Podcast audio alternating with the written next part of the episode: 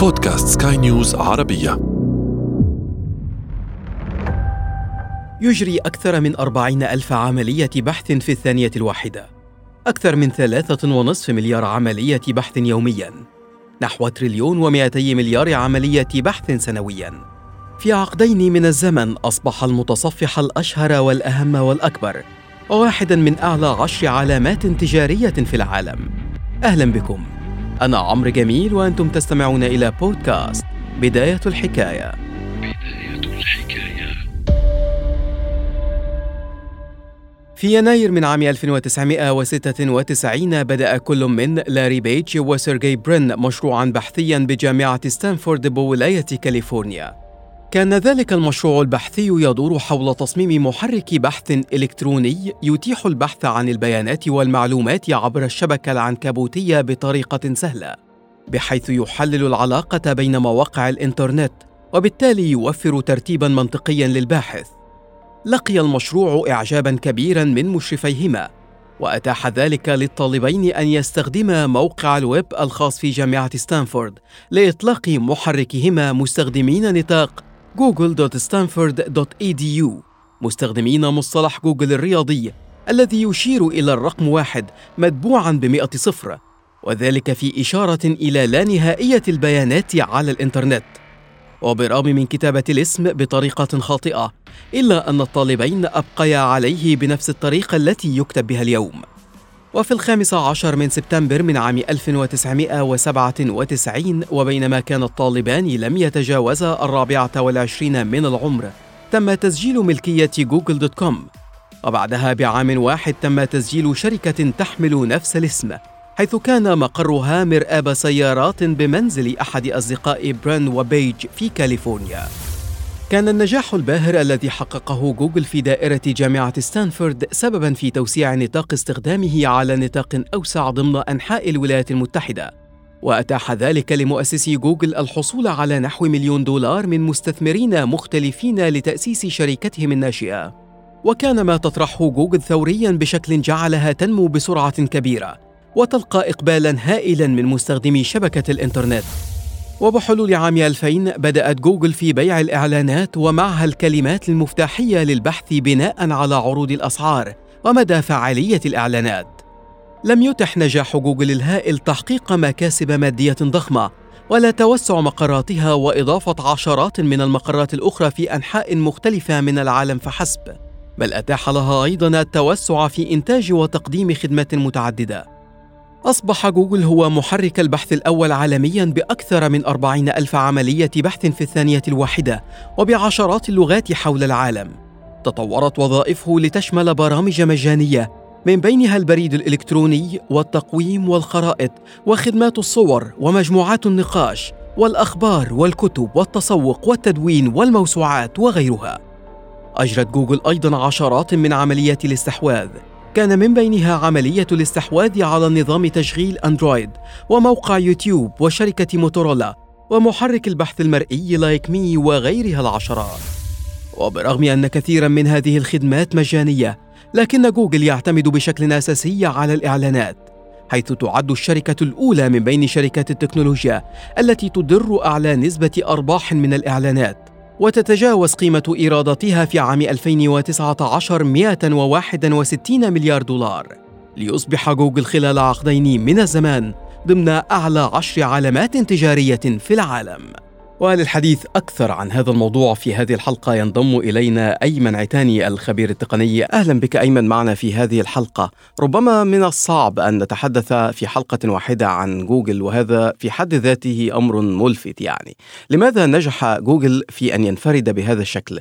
بحيث اكتسح محركات البحث التي سبقته في الظهور وحتى تلك اللاحقة لظهوره لم تنجح في منافسته. كيف تفسر ذلك؟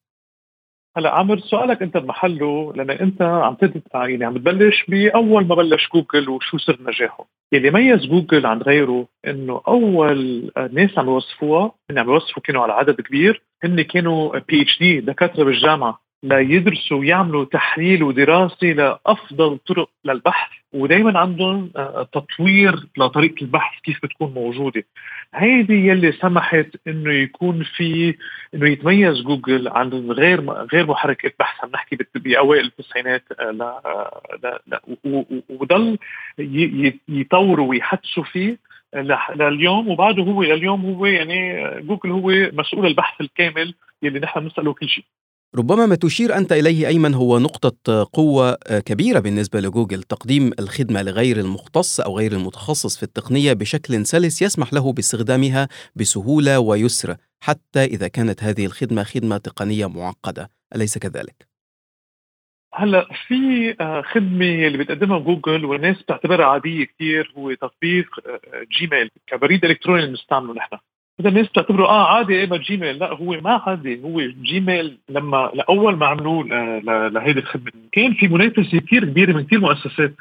هن قدروا بوقت كثير قليل ينافسون لأنه آه، الطريقة يلي عملوا فيها البريد حلوا مشاكل كانت موجودة قبل هو سرعة الاستعمال على الإنترنت والكمبيوتر. فهيدي الاهتمام بالسرعة والطريقة البديهية لاستعماله كثير ميزته لجوجل وأكيد كمان شغلة ثانية ميزت جوجل بوقتها إنه آه، قديش آه، في سعه بقلبه يعني آه، حجم الإيميلات عم بتكون والساحة التخزينية كلها نعم. قديش حجمها. من الأول هن كانوا الكل كانوا عم يعطوا شيء بسيط بسيط هو اجى أعطاهم البحر طبعا وبالإضافة إلى خدمة البريد الإلكتروني هناك الكثير من الخدمات التي يقدمها جوجل والتي تحدثنا عنها في بداية هذه الحلقة لكن السؤال الآن إذا كان جوجل يقدم كل هذه الخدمات ما الذي يعرفه جوجل عني؟ ما هي كمية المعلومات التي يجمعها عن المستخدمين؟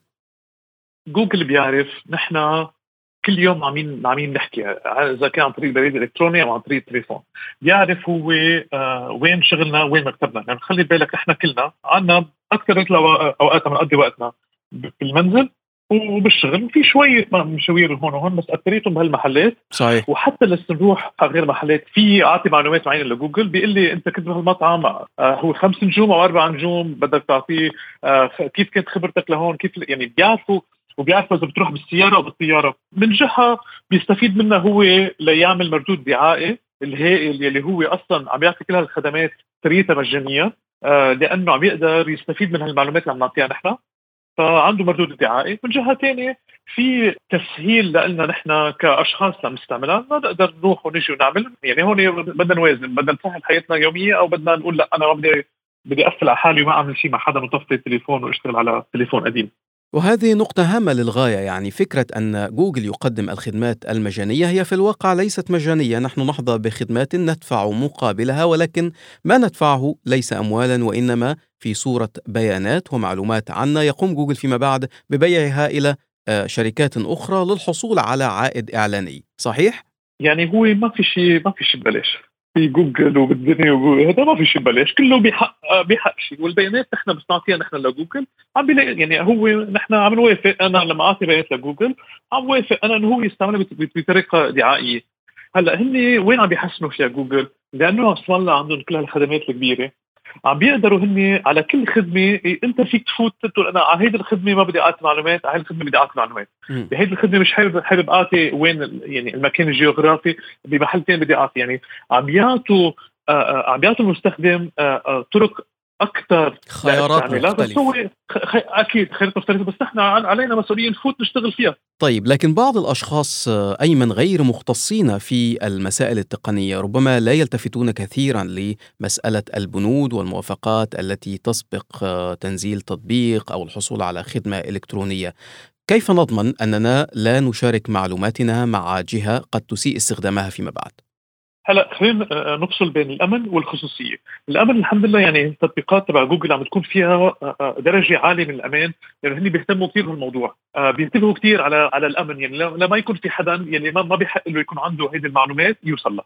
هلا من جهة الخصوصية أنا بظن قبل ما الواحد يفهم بطريقة التكنولوجيا كيف تشتغل بس يشتغل بنفسيه إنه كل شيء عم يستعملوا آه، موجود على يعني حيكون على الإنترنت فيها الناس تشوفه. ما يفكروا إنه أنا هالصورة بعثت لك إياها إنه هيدي بس بيني وبينك. يعني أنا بتصرف بجرب عود حالي أتصرف بطريقة إنه كل شيء ببعته في يمكن يطلع على الإنترنت من دون آه، من دون إذن. فهيدي إذا نحن نفسيا عم نقدر نشتغل على هالموضوع نقبل إنه هالمعلومات تكون متاحة تصرفنا بيتغير ليوازي الحقيقة الأمر اللي هي اليوم.